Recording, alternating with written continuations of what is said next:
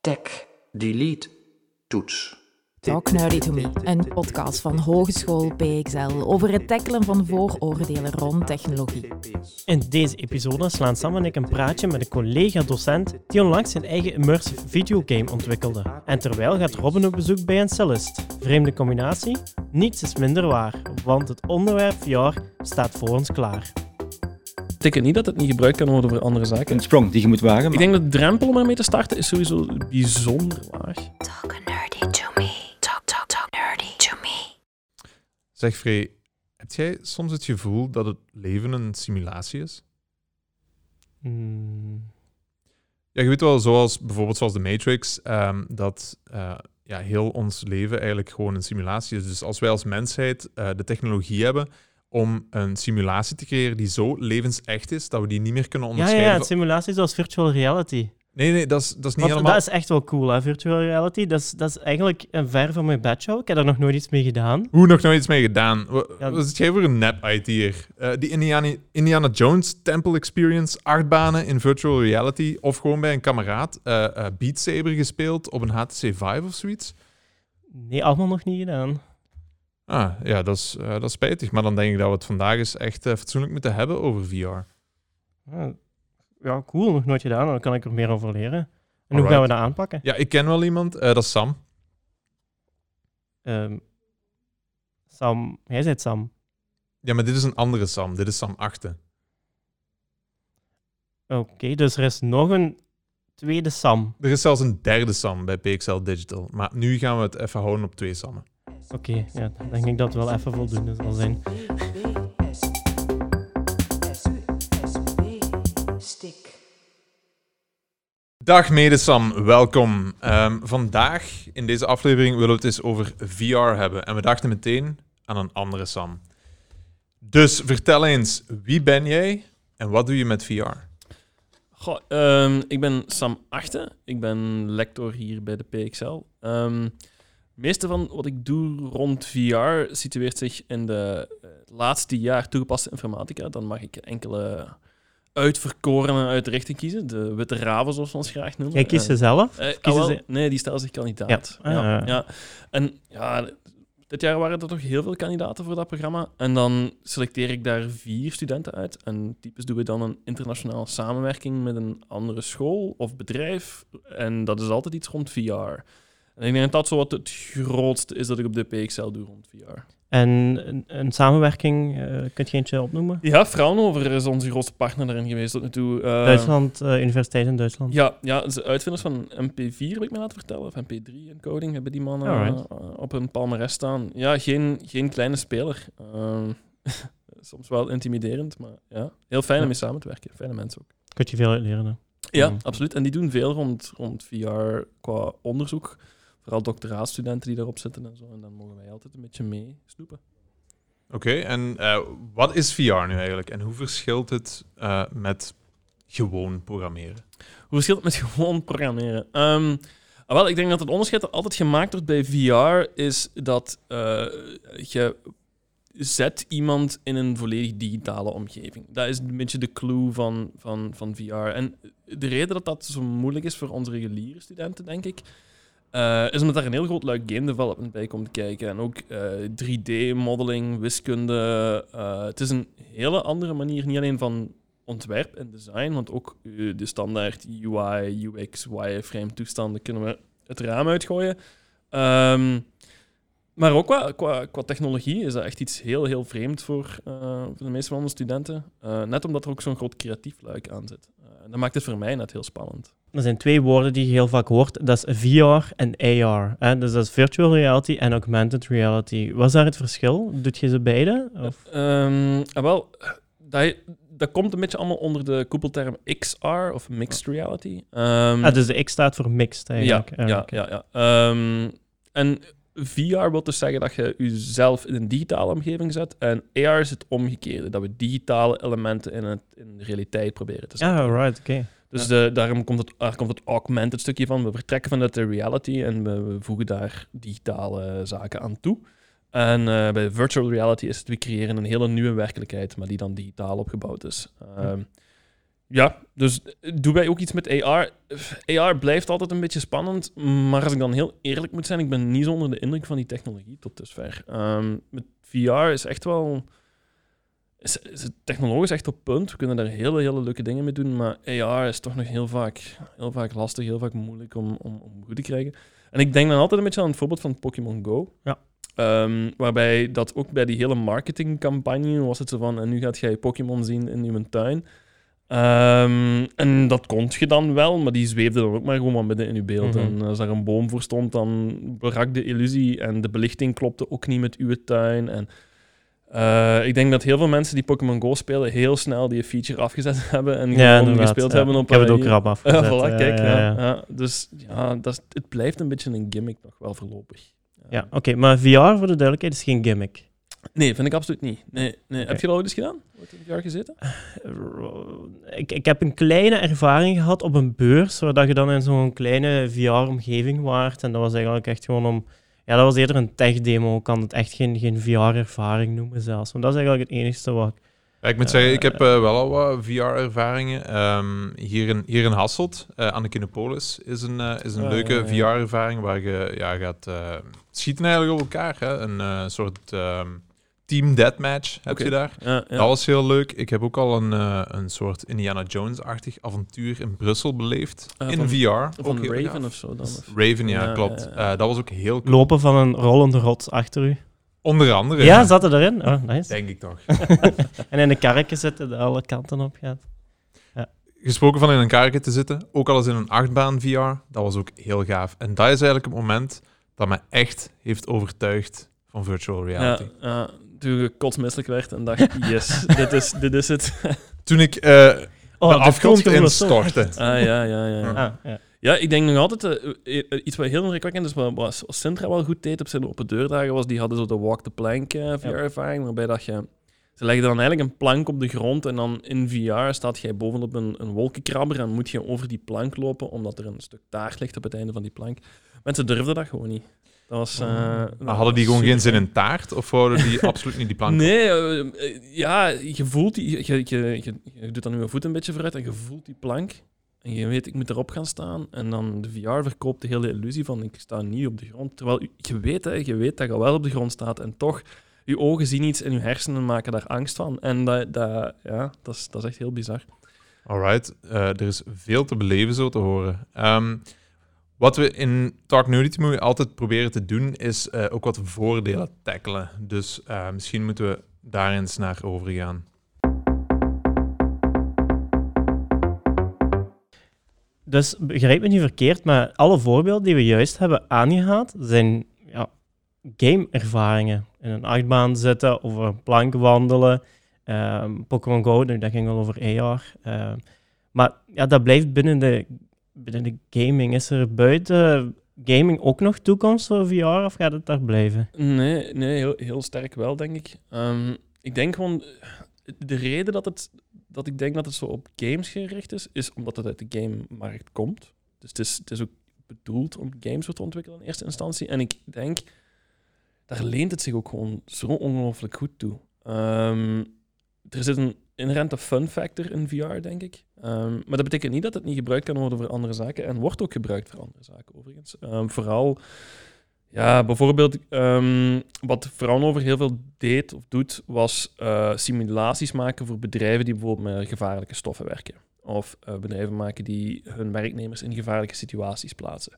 En dan in de plaats van een dure simulatie te maken of eh, die mensen gevaar laten lopen door dat, die training on the job te doen, kunnen die dat in VR en daar al de gevaren voor de eerste keer ontdekken. Ehm, ik herinner mij dat we bijvoorbeeld bij, bij Lucas hebben ook een, een project gemaakt over batterijsimulatie, omdat bijvoorbeeld het aankopen van, al, ik weet niet waarom, eh, maar zelf batterijen in elkaar steken kan ook gevaarlijk zijn. Ja. En dan kon je in VR prullen met allerlei batterijconfiguraties en, en, en op die manier proberen mee te maken. Dus ik denk ook vooral, en dat is voor een school natuurlijk wel interessant, eh, pedagogisch valt er toch wel wat, wat te halen, denk ik, eh, bij VR. Ja, dus dat zijn echt vooral leertools dan. eh. Ja, ja dat, zijn, dat, is, dat, dat is hetgene waar ik aan denk als je aan mij vraagt VR buiten games, dan kom ik automatisch daar. Ja. Ja. Eh, er wordt ook wel eens gezegd dat eh, VR te duur is voor wat het is. Eh, wat zeg je daarvan? Ehm, hoeveel heb jij betaald voor je gsm, Sam? Ehm 300, 400 euro zoiets? Ja. ik zit aan de 1000 euro. Ik had, ik had wel een fikse korting, maar het model is 1000 euro nog. Ah, maar ik ben, ook wel een, ah, ik ben ook wel een Nederlander, dus het is logisch dat ik minder uitgeef. Ja. ja. ehm, ah, wel, eh, in de Oculus Quest, wat ik toch nog altijd een van de meest indrukwekkende VR-toestellen vind, omdat die untethered is, wat betekent dat je niet je woonkamer moet transformeren in een, in een, een gym om, te kunnen, om VR te kunnen spelen en geen geweldige PC nodig hebt. Want VR was vroeger duur. Hè. Ik denk, als je naar, kijkt naar de start van VR, uh, naar de HTC Vive, dat dat al snel 400 euro was, denk ik, 400, 500 euro. Plus dan nog een hele goede dikke PC. Uh, waar je toch, had je al rap aan 1500, 2000 euro om, om te kunnen starten. Maar nu die Oculus Quest kost 300, uh, 300 400 euro. En de Oculus Quest is van uh, Facebook, hè, als ik me niet vergis? Klopt, ja. Die zijn ja, oorspronkelijk niet, maar die zijn overgekocht geweest. Ja, ja, ja, ja. want ik, ik hoor van sommige uh, kameraden van mij die het niet zo hebben op Facebook, dat die het vervelend vinden dat je een Facebook-account nodig hebt uh, om de ah, wel, Dat is blijkbaar nu sinds gisteren aangekondigd dat, uh, dat ze daarvan af gaan stappen. Ah, kijk eens. Oké. Okay. Voor alle niet-Facebook-fans is dit goed nieuws. ja, absoluut. Uh, maar ja, ik bedoel, ik vind niet dat iedereen nu plots naar de winkel moet gaan en een VR-toestel kopen, want diegenen die dat wel doen, merk ik ook, ja, dat is super fijn en die zijn er heel een, een dikke maand mee bezig, amuseren zich en dan verdwijnt dat zo'n beetje de kast in. Ja. Um, dus het blijft wel ergens die gimmick-factor behouden, denk ik. Uh, maar nu de technologie goedkoper wordt en vooral de tracking uh, beter wordt, zie ik wel VR niet snel weggaan. Vroeger kreeg je heel snel um, misselijkheid. Ja. Van, van, ik heb dat zelf nooit ervaren, om eerlijk te zijn, die misselijkheid. Maar dat is wel wat ik uh, hoorde. Um, in, ja, of las in mijn Google Feed, eenmaal toen dat het echt zo opkwam en PlayStation en Sony daarop ingezet heeft, mm -hmm. uh, ja. dat dat de eerste klachten waren. Ja, ja. Uh, is dat nog altijd, of is dat opgelost ondertussen? is dat opgelost? Nee. Uh, is dat onder controle te krijgen? Ja, dat wel, denk ik. Ik denk gewoon... We zijn zo'n beetje in dat VR-verhaal gestapt. En dat was een beetje uh, ja, het wilde westen qua ontwikkeling. En niemand wist goed waar die mee bezig was. Um, en dan vooral, ja, we, we, noemen dat locomotion. Dus het, het idee van hoe, hoe, beweegt je jezelf in VR. Ja. Uh, als wij één op één die beweging kunnen nadoen, word je niet misselijk. Dus als, ah, ja. je, als we ook zorgen dat je kamer correct georiënteerd is ten opzichte van hoe dat jij kijkt, en je kunt vooruitstappen met je eigen lichaam en in VR volgt dat gelijke tred, dan is alles wel oké. Okay. Maar natuurlijk, als je grote virtuele omgevingen wilt creëren, terwijl je nooit van je stoel af moet, dan zitten we met een probleem. We moeten u van A naar B krijgen. En ja. en ja, het is vaak in de manier waarop we dat doen die niet helemaal klopt. En daarom dat we bijvoorbeeld, hè, wat jij zei van die rollercoaster, heel vaak waren die eerste ervaringen van we zetten u in iets dat beweegt. Want dat kunnen uw hersenen verteren als zijnde, ah, maar die beweging komt niet van mij. Um, waardoor dat die, misselijkheidsfactor een beetje terugdrong. En dat is het eerste grote aspect, denk ik. Uh, en nu hebben ze daar allemaal technieken voor. Bijvoorbeeld als je beweegt in VR, is het heel vaak teleporten. En dan uh, doen ze zo alsof dat je ogen sluiten in VR en dan langzaam terug open gaan. Dus dat mag niet te snel gaan voor je hersenen. Zodat je ah ja, oké. Okay. Dus, en dan zo kunnen ze eigenlijk die misselijkheid een beetje ja, um, vermijden, ja. laten we dan zeggen. Dat is, ja. En dat is het eerste. En het tweede is uh, framerate. Dus ze zijn ook achtergekomen, dus framerate, voor zij die dat niet weten, een game levert een, een aantal beelden aan per seconde. Mm. Hè, en uh, die moeten snel genoeg gaan. Want uw oog is er wel heel gevoelig voor. Okay. voor als ja, je oog verwijdert ook een aantal beelden per seconde voor je hersenen. En als daar een mismatch is en de beelden komen te traag, ja. dan verstoort dat uw evenwichtsorgaan. Oké, okay. dus daar is wel al heel veel geweten over en uh, ze zijn er. Ze zijn ermee bezig. Uh, ja, en nu, voor, daarom, dat maakt VR trouwens ook zo, zo, zo, zo moeilijk en zo intensief, is dat je eigenlijk je rendert twee beelden. één beeld voor het linkeroog, één beeld voor het rechteroog. En de snelheid waarmee dat die gerenderd moeten worden, ligt ongeveer twee keer zo hoog dan voor een traditionele game. Dus ja. dat is ook een technologische uitdaging. Hè. En is dat dan ook vermoeiender voor, voor je hersenen om daar constant uh, mee bezig te zijn? Uh, wel, daar kan ik alleen maar voor mijn eigen persoonlijke ervaring spreken. Daar kan ik geen onderzoek uh, citeren of zo. Maar ik, mijn eigen ervaring wel, als ik vroeger voor VR moest ontwikkelen en de hele dag aan en uit in die, in die virtuele wereld moest stappen, dan was ik wel heel, heel moe vooral. ja. Oké.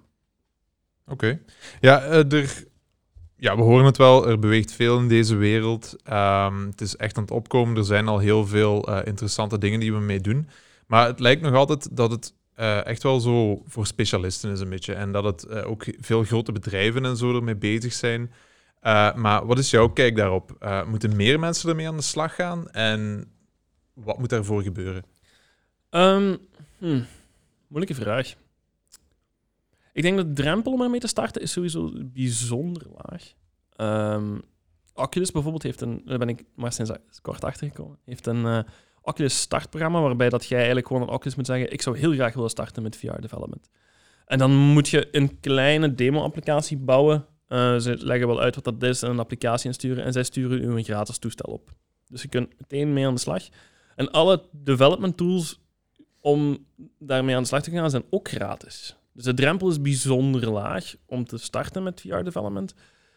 En ja, ik, ik moedig iedereen aan om dat eens te proberen. Dat is, dat is echt super fijn om te doen ook gewoon. Het is, er is natuurlijk wel een verschil tussen games spelen en games maken. En nu spreek ik over games, maar ja, eh, voor VR-development leunt daar nog altijd het dichtst bij. En de, het kennisniveau van de developer, hoe zit dat? Moet die eh, al eh, C++ kennen tot in details? Mm, ja, ja je, je moet wel wat kunnen. Ik denk niet dat je daar als complete leek eraan kunt starten. Dat denk ik wel niet. Nee. Maar ja, ook daar, we leven nu wel in tijden waar die resources echt heel snel voorhanden zijn. Hè. Eh, je kunt elke nieuwe skill wel goed oppikken. Dankzij YouTube heeft wel Ja.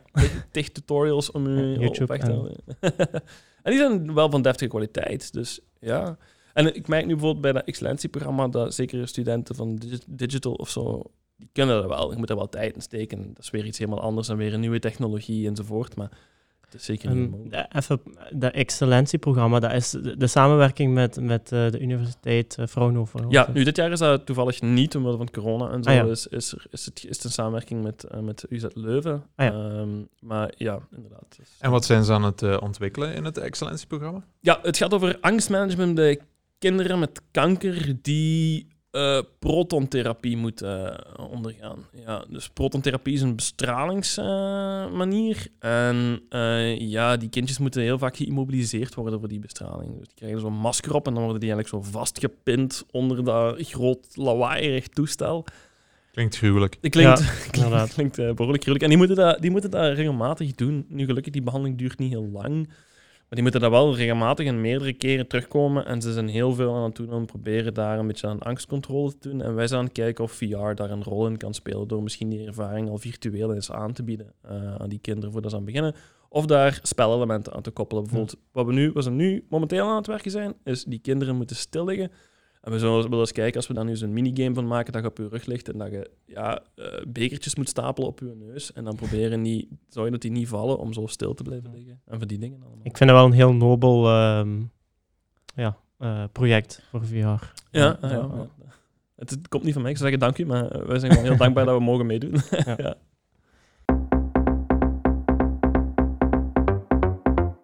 Oké, genoeg over VR, nu meer over Sam. Ehm, ik heb de indruk dat je een heel sterke mening over alles hebt. Je hebt een heel sterk karakter. Ehm, wat vind jij nu net zo speciaal in virtual reality? Hoe ben je ermee in contact gekomen met, met uw ja, sterke meningen? eh? Goh, eh, oh, eh, mijn sterke meningen hebben me niet in contact gebracht met VR, denk ik. Het is vooral mijn werkveld dat dat gedaan heeft. Ja, ik heb een tijdje als game developer gewerkt en ja, dan kun je er niet meer omheen. Ehm, toen dat VR... Ja, toen die VR-bombshell een beetje eh, binnensloeg, eh, was wel snel duidelijk dat we daar moesten pivoteren om mee te kunnen met dat verhaal. Want plots was daar veel vraag naar van bijvoorbeeld bedrijven inderdaad die VR voor alles en nog wat wouden gebruiken. En als ik dan even kritisch wil zijn, heel vaak wordt dat ook nog altijd een beetje als buzzword gebruikt. Net zoals Ja. AR trouwens. Mhm. We krijgen nog heel veel projecten binnen waarbij dat ze zeggen ah, maar doe dat, doe dat in VR, dat is, Ja. dat, is, toch- dat is toch cool? En dan, maar het heeft geen meerwaarde heeft daar, geen die VR. Hè? Nee, ik, ik, ja. denk dat ik, u- ik heb je al eens verteld eigenlijk dat we ooit eens een ervaring gedaan hebben waarbij dat je een, eigenlijk een enquête invult in VR. En dan is de vraag natuurlijk, wat, wat, heeft die VR dan nog? Kunnen, Ja. kunnen we beter een enquête zo, zo invullen? Oké. Ja. Ik, kan geen, ik kan u geen vliegende walvis aanbieden in het echt, maar ik kan u een enquête dan nog wel lukken, denk ik. Ja. Is- Zou, zou je zelf gestart zijn aan een VR-opleiding? Dus, eh, nu, nu is het die opleiding er hè, bij PXL Digital. Zou je daar zelf voor gekozen hebben in je studententijd? Nee. Nee. Oké, ja, maar waarom dan? Waarom dan nee? Ja, ik denk dat ik dat wel wat- weten. Ja, omdat ik denk dat het nog altijd nog wat een niche is, toch? Ja. Eh, ja, allee, Maar is niche niet goed? Want dan heb je eigenlijk op je diploma staan dat je met VR hebt gewerkt. En Ja. als het, ja, omdat het niche is, zijt je dan natuurlijk gegeerd, Ja. denk ik. Ja, maar daar is de, misschien de, zeker on- de Belgische markt een beetje te klein voor. Ja. Ehm, dat zou wel werken als je, als je eh, echt dat idee een beetje kunt loslaten voor onder de kerktoren eh, te blijven. Want dat is iets wat ik bijvoorbeeld veel merk bij onze studenten, dat er dan nog een beetje te veel in zit. En als het zeker gaat over gamelandschap of VR, dan... Want dat is het ook wel vaak. We zien vaak VR-development bij bedrijven die niks van game development kennen en dan loopt dat echt helemaal mis. Eh, dat blijft altijd komt dat bij de gamebedrijven terecht. En dat zijn ja, moeilijke jobs om vast te krijgen. En vaak in het buitenland. Eh, en wel absolute topjobs, dat wel. Maar dus game development. Eh, je hebt het zelf al aangehaald. Ehm, je hebt zelf in game development gewerkt. Eh, misschien nu nog. Ik heb Luge Studios ook aan bod horen komen. En nu wil het dat ik via het SAM-consortium heb vernomen dat jij een spel hebt uitgebracht. Wacht, wacht, was het SAM-consortium? Dat is het consortium van eh, alle Sammen. Ja. Daar zit ik dus niet in. Nee, Nee. sorry. Nee. Tenzij je je naam wilt veranderen. Ja. Maar dan, en dan moet je wel een entrance exam doen. om, Oeh, ook eh, nogal. Ja. Ja. Ja, En, ja, en. Salmon niet welkom. enkel, eh, enkel Sam. Maar dus vertel eens iets over je spel. Eh, ja, het, het spel heet eh, Midnight Protocol. Eh, ik weet het, het is, eh, het is zo'n titel. Ehm, maar ja, het is een, het is een hacking game. Ehm, ik, vind, het- ik vind het moeilijk om samen te vatten wat dat is. Het is we wouden gewoon heel graag iets, iets niche doen. Of ik wou eigenlijk al heel lang iets niche doen. Ik wou iets heel lang met dat hacking genre doen. Want hacking blijft een heel boeiende wereld, heel boeiende mechanic. Maar voor veel games is dat een minigame. Is dat zo, ah ja, Ja. doe deze drie knoppencombinaties en voilà, we zijn het systeem binnen, zo kende. Ehm, en er is ook iets in de manier waarop dat films en tv's hacken voorstellen. Dat ik dacht van, hier moeten we toch echt eens een coole gameervaring rond kunnen maken. Ehm, en dan ben ik eigenlijk in aanraking gekomen met een kaartspel, Netrunner. En ja, toen is de bal een beetje aan het rollen gaan. En toen dacht ik, hey, dit moet digitaal ook kunnen. En zo heb ik daar drie jaar van mijn leven aan vergooid. Ja. Oké, maar het kaartspel gaat je wel heel even moeten uitleggen, zodat we ook weten wat het concept van, van je Oké, het concept van, van je game is, is eh, hacken. Ik- Maar, ja. maar hoe ehm, koppelt dat aan, aan dat kaartspel? Want ik ken het kaartspel. Ja, nee, ik denk gewoon voor elke game developer, als je rond game mechanics wilt nadenken, is er niks beter dan board of card games. Omdat die Oké. leggen het design zo bloot dat je er niet meer naast kunt. Eh, je moet die regelboek doornemen, je moet Mhm. er doorgaan. En ja, dat is een beetje als door de code van andere games gaan. Eh, en maar dan gecondenseerd tot het DNA. En dat is... Dus als game designer zeer boeiend. ik heb daar nog eens ooit een discussie over gehad met, met iemand die game design geeft op Luca. En eh, ook gezegd, ja, die mens leest ook gewoon regelboeken in zijn vrije tijd. Zonder Ja. die spelletjes ooit te spelen. Want dat is gewoon heel boeiend om te kijken hoe je ervaringen kunt condensen naar een regelset. En ehm, het is een beetje van het gedachtegoed. eh dus Netrunner is een cardgame waarbij dat, een asymmetrische cardgame waarbij dat ook één iemand de hacker speelt en één iemand het bedrijf dat gehackt wordt. Ehm, en er zit een beetje bluff-poker-achtig element in. Ik vond dat heel boeiend opgesteld, hoe dat die eh, mechanics werkte. En ik dacht van, kan ik hier wat elementen van pakken die ik heel leuk vind? En die zouden zich ook wel digitaal kunnen vertalen. Eh, en daar ben ik mee aan de slag gegaan. Ehm, en het voordeel van de digitale aanpak natuurlijk is, ja, het, in het spel zit jij achter je computer, jij speelt een hacker. Mhm. Dus we kunnen heel veel leuke dingen doen, zoals uw filesystem uitlezen, of uw scherm doen ontploffen, of eh zo Oké. een, een nep bluescreen geven, of al die dingen. Daar, daar kunnen we allemaal aan. En dat, is, dat, is- dat maakt het een Dat maakt het een echte ervaring. Vooral immersive. Ja. Ja. ik, denk, ik denk de leukste complimenten die we krijgen nu, want de, de, de recensies zijn redelijk positief en dat is, dat is heel fijn. Ehm, het compliment dat mij nog altijd het meeste raakt, is dat mensen zeggen, ah, ik voel me echt een hacker Ja. als ik dit speel. Terwijl ja, het heeft weinig aan van echte hackingmechanismes, maar ja, mensen voelen zich wel een hacker en dat is belangrijk. Ja, ik moet zeggen, ik heb, eh, ik heb even de demo gespeeld. Eh, Ik Mhm. vond het heel leuk. eh, heel leuke atmosfeer. En iets ehm, waarom ik ook denk dat mensen zich een hacker voelen, is, en dat vond ik zelf een heel leuke feature, is als je zo dingen aan het schrijven bent, is dan ramt je gewoon zo op je keyword en dan verschijnt zo de exacte tekst die je wilt. Dat vond ik Ja, super Ja, leuk. ja, ja, ja. Dat is zo het hacker-typer verhaal noemen we dat. Hè. Dus eh, ja, en een van de coolste mechanics in het spel, vind ik persoonlijk, kwam niet van mij. Eh, maar dus hoe dat de mails werken in het spel is, je kiest een keuze. We zitten met een branching storyline en je stuurt mails naar verschillende personages. Maar je kiest eigenlijk tussen één of tussen één tot en met drie verschillende soorten antwoorden. En dan, als je je antwoord gekozen hebt, dan moet je eigenlijk inderdaad rammen op je toetsenbord en dan ziet je de lettertjes verschijnen en dan typt het personage die mail uit voor u. Maar de leukste mechanic in het spel vind ik dat je op een gegeven moment ook wel ziet dat dat personage zich een beetje bedenkt. Dus dat er ook backspaces in zitten in die respons. Je ziet dat hij een, een zin uittypt, maar dan misschien backspace en zich bedenkt of, of zich verspreekt. Of, en daarmee kunnen we toch een beetje karakter geven aan al die verschillende personages. Want dat was een hele uitdaging. Uh, en daar ben ik wel fier op, denk ik. Dat wel goed gelukt is. Als de mensen uw game willen spelen, waar kunnen ze die vinden? Steam gewoon? Uh, op Steam of uh, op Good Old Games uh, kun je hem downloaden voor PC, Mac en Linux. Alright, heel cool. bedankt voor dit gesprek. Heb je misschien nog een finale boodschap voor mensen die met VR van start willen gaan? Um, ja, we houden die tegen. Um, ik denk, zoals ik al zei, met jouw start kunt je aan een gratis kit geraken. Alle tools zitten aan je vingers Het enige wat je nodig hebt is een, is een PC en, en, en, en, en een hele hoop verbeelding. En dan is er echt niks wat je tegenhoudt om je eigen werelden te creëren. Iets waar ik denk ik, allee, kom op, waar ik van gedroomd zou hebben toen ik, toen ik uh, 14, 15 jaar was en dacht van, oh, ik zit boordevol ideeën en verbeeldingen en ik kan er nergens aan kwijt. En nu is er echt geen enkel excuus meer om dat, om dat te doen. Uh, dus ik zeg, als dat iets is dat u interesseert, laat u vooral door niets of niemand tegenhouden. En, en ga er gewoon voor. Alright, cool. Jullie hebben het gehoord. Samen is iemand uh, met een mening. merci voor langs te komen. Dat is uh, heel graag gedaan. Merci en, dat ik hier mocht zijn. Ja. En uh, ja, wie weet gaat nu de hits op uw game en het aantal downloads ja, ja. verder omhoog. Ah, wel, als mensen het doen, laat me vooral weten wat je ervan vindt. Hè. Ik, right. En waar kunnen ze dat doen? Gewoon een comment op Steam? Of? Ja, we hebben een, di een, Discord. Die link staat ook op de Steam-page. We hebben forums zodat je terecht kunt. je kunt me heel gemakkelijk contacteren. Right. Dus laat okay. absoluut, kom ook gerust uw gal spuwen als je geld terug wilt. Alright, zeker. Maar dan zien we elkaar daar. We hebben ongeveer 100.000 luisteraars, dus verwacht maar aan een hele hoop recensies. ja, dat is goed, dat is goed.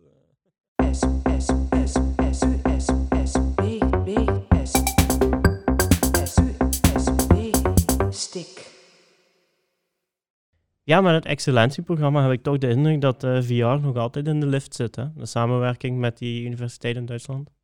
Ja, zeker een uh, heel interessant uh, programma. En we hebben nog interessante studieprogramma's aan de PXL. Zo is er bijvoorbeeld Switch to IT voor mensen die al in het werkveld staan en die de overstap willen maken naar IT. Bij onze onderzoeksgroep Smart ICT hebben we een collega, Jan Baerts, die dit programma heeft afgelegd. En we hebben Robin op pad gestuurd om zijn verhaal eens te horen. Heel benieuwd naar wat hij te vertellen heeft.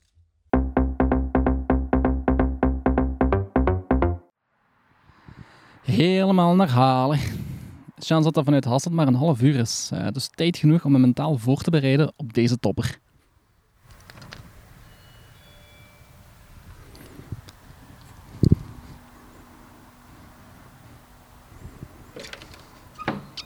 Dag Jan. Goedemiddag Robin. Mag ik binnenkomen? Alright, dank u. Ik zou zeggen, welkom in onze aflevering. Dank u. Zullen we ons ergens neerzetten? Laten we dat doen. Kom binnen. Het ziet er hier fantastisch druk uit, mag ik dat zeggen? ja, maar dit is een rustige ruimte. Um, uh, op mijn studeerkamer kan ik u echt niet binnenlaten. Dat is, uh, als mijn vrouw hoort dat ik u daar heb binnengelaten, gaat ze lastig zijn. oei, oei, oei. Ik, ik zie hier wel van allerlei uh, ja, muziektaferelen terugkomen, mag ik dat zo zeggen? Uh, ik zie daar een keyboard staan in een hoek. Ik zie, ik, ik, denk dat het een cello is. Ik ken niet veel van muziek, maar dat is een cello denk ik op de grond. En een hoop violen en zo. Uh, mijn vrouw is ook professioneel muzikant. Ik zeg ook, omdat ik ook professioneel muzikant was. give or take, een jaar of twintig. En uh, vandaar natuurlijk dat hier veel muziek gemaakt wordt. Het is een zeer muzikaal huis. En als ik het goed heb, zit je dus nu IT'er. Um, maar ik moet zeggen, hè, ik, ik, ken veel IT'ers. Ik ken mensen die bezig zijn met muziek in hun vrije tijd. Maar op, op deze level bezig zijn met muziek uh, in hun vrije tijd, daar ben je nog nooit tegengekomen. Hoe, hoe, allez, hoe zit je daarbij gekomen om, om die stap naar de IT-wereld te maken? Oh, die reden is... Um, ja, bestaat, er zijn meerdere redenen. Eén, uh, ik heb ziekelijk veel hobby's. Er zijn heel veel dingen waar ik mij graag mee bezig hou. Uh, gaande van inderdaad IT, ik hou van auto's, ik hou van modelbouw, ik hou van dingen knutselen. Ik, ik hou van sport, ik hou whatever. Eindeloos, eindeloze lijst. Um, en maar geluk ook misschien, omdat uh, als, ik, als ik echt zo verplicht word, zou ik wel twintig dingen kunnen bedenken die ik graag zou, eh, zou willen studeren. Ehm, maar eh, de hoofdreden was eigenlijk dat ik een aantal jaar geleden eh, constateerde dat ik een, een, of heb laten constateren dat ik een eh, bovengemiddelde kans heb om een bepaalde vorm van reuma te ontwikkelen. En dat is eigenlijk de reden waarom ik eh, muziek niet meer als mijn voornaamste activiteit wilde behouden. Eh, ik heb helemaal niks op dit moment, of nauwelijks, maar eh, eh, ja, als het natuurlijk puntje bij paaltje komt en je zit dan misschien tien jaar verder of zo, dan zou ik al in de vijftig zijn en dan nog opnieuw moeten beginnen, nog iets anders doen, dat gaat misschien lastiger zijn. Dus ik dacht, waarom niet? Dan wagen we gewoon de sprong. Eh, Ja, en die sprong, ehm, die heb je ook niet zomaar gewacht, denk ik. Hè? Want je- allee, je bent daar ook met een opleiding begonnen voor die switch effectief te maken naar IT. Eh, hoe zag dat er precies uit? Eh, ik denk dat het in 17 was, in 2017. Ehm, aan de PXL bestaat er de Switch to IT-opleiding, tot mijn groot genoegen. En speciaal voor werkstudenten, omdat het een knelpuntberoep is. Dat is een woord dat wij heel graag horen bij muzikanten. Want eh, ja, dat is uiteraard niet het geval bij ons, dus, eh, in tegendeel zelfs. Ehm, en ehm, ja, dan heb, ik, eh, dan heb ik de sprong gewaagd. Hè. En ik heb wel ook wel met, met, met, met volle overtuiging. Dus ik heb mijn, mijn, ik, toen al heb ik ja, het grootste deel van mijn activiteiten als muzikant, van mijn professionele activiteiten als muzikant, al onderbroken om, om mij helemaal te kunnen toeleggen op die opleiding. Maar we hadden maar één dag les in de week dan, dus dan kon ik dat wel nog makkelijk combineren met lesgeven en met alle ja, de andere dingen die je moet doen als huisvader. Dus voilà. En, en hoe was dat zo eigenlijk ja, terechtkomen in zo'n switch to IT-opleiding? Want eh, ja, je komt eigenlijk vanuit die muziekwereld, je komt ja, terecht, dus allemaal IT'ers neem ik aan dan? Of, of eh, ja, in wat voor groep kom je dan bijvoorbeeld terecht? Ja, dat is een mix. Hè. Dus je hebt een aantal mensen. Dat, dat, dat Switch to IT-programma bestaat, of is eh, ontstaan in een samenwerking met de VDHB. Dus je hebt een aantal mensen die komen vanuit de VDHB, die opleidingen, van die snelle opleidingen gevolgd hebben in één specifieke taal of één specifieke omgeving. En die, maar die willen dan een diploma hebben om te kunnen aangesteld worden en werk te trekken enzovoort. En dan natuurlijk een aantal mensen die, zoals ik zijn, die, die, die ja, omwille van oh, een heel breed gamma aan redenen eh, eh, ofwel, ofwel niet een, een- geen, geen werkgelegenheid vonden, of die, ja, die, die, die een goesting, die, die niet graag deden wat ze hadden gestudeerd enzovoort, en die dan willen, willen veranderen. En dat is eigenlijk voor je ook zo wat de reden geweest om daar ja, verder in te gaan dan. En zit je bij Smart ICT terechtgekomen. Ja, ehm, en wat doe je daar nu precies bij Smart ICT? Allee, bij ons, om zo te zeggen. Eh, wel, ik, eh, ik ben in de eerste plaats terechtgekomen bij jullie via, eh, omdat ik Unity-ervaring had. Eh, iets wat niet in de opleiding meegegeven wordt. Ehm, ja, dat, is dat, vond ik wel een leuke, een, dat was wel een leuke twist eigenlijk in heel de opleiding. Dus ik denk dat we dan spreken van eh na jaren 19, toen eh, Tristan Fransen, toenmalig de coördinator van heel de opleiding, een, een mail uitstuurde naar alle drie tinners ja, we hebben, iets, we hebben een excellentieprogramma opgestart en het gaat, eh, wat gaat dat inhouden dit jaar? Een, een stoomcursus Unity en dan iets in Unity ontwikkelen, namelijk een VR-tool. En eh, ik denk dat ik binnen 15 minuten geantwoord heb aan Tristan, eh, terwijl die mail niet voor ons Switch to IT'ers bedoeld was eigenlijk, maar ja, die per ongeluk toch in mijn mailbox was terechtgekomen. Eh, heb ik hem direct geantwoord en gezegd van, zeg, is er enige kans dat ik daar ook mij mag kandidaat voorstellen, want er werden er vier geselecteerd om dat te doen. En op dat interview ontmoette ik Steven Palmaars en Sam Achten, want die zaten, die, die, Sam ging dat, of doet dat nog altijd trouwens, hè, begeleid, of deed dat, begeleidde dat excellentieprogramma. En ehm, ja, voilà, van het een kwam het ander. Ehm, Nu had je een mooi voorbeeld zei, hè, van een switch to IT'er, die het effectief ook wel verder heeft gezet. Ehm, wat zou je luisteraars die twijfelen over een dergelijke switch nog kunnen aanraden voor zo'n dergelijk traject? Eh, laat u er niet voor afschrikken. Als het u, als het u boeit, dan ja. Als je natuurlijk het wilt combineren met een, met een, met een echte job die je dan ook uh, voltijds of, of quasi-voltijds volhoudt, ja, dat is, dat is, dat is lastig. Dat, dat, dat, gaat, eh, dat vergt serieus wat inspanning. Ehm, het vergt sowieso inspanning natuurlijk. Eh, eh, dat, dat wil ik nu wel niet zeggen. maar ehm, eh, ja, als je dat graag doet, het is, het is heel verfrissend om, om, om halverwege een professionele loopbaan te zeggen van, bon, nu gaan we iets, iets helemaal anders doen. Dat wil niet zeggen dat ik het niet mis, natuurlijk. Natuurlijk zijn er momenten dat ik het, dat ik het mis, maar in die twintig jaar heb ik heel veel knappe dingen kunnen doen. Ehm, eh, heb ik op heel veel chique podia gezeten. In, de eerste plaats dankzij het orkest waar ik hoofdzakelijk gewerkt heb, de Brussels Philharmonic, het eh, voormalige BRT-orkest. En ehm, ja, dat heb ik dan ook gedaan. Dus eh en iets anders doen is, is, is, ja, het heeft zijn uitdaging, maar het, heeft ook, ja, het, is, is, een heel andere insteek. Dus het is, het is een sprong die je moet wagen, maar ja, het loont. Alright, zeg Jan, je bent heel veel bedankt om mij te ontvangen hier bij je thuis. Ehm, ik vind u een heel inspirerend verhaal hebben. Ik denk dat het ook zeker kan helpen voor toekomstige studenten en mensen die eventueel twijfelen over een Switch to IT-project. Dus eh, merci daarvoor en we zien elkaar sowieso nog wel eens op de, op de bureau. Hè. Zeker, zeker. Tot binnenkort. Alright.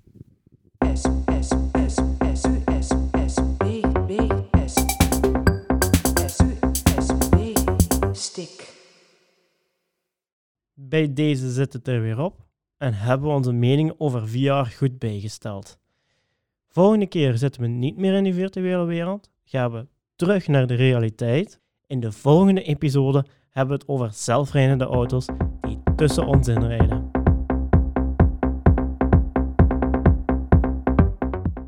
Deze podcast werd gemaakt door Sam van Rijn, Frederik Vrijs, Robin Schrijvers en door mijzelf, Natasha Bruggen. Met de steun van Tristan Fransen, departementshoofd van PXL Digital, en Raf Degens, algemeen directeur Corda Campus.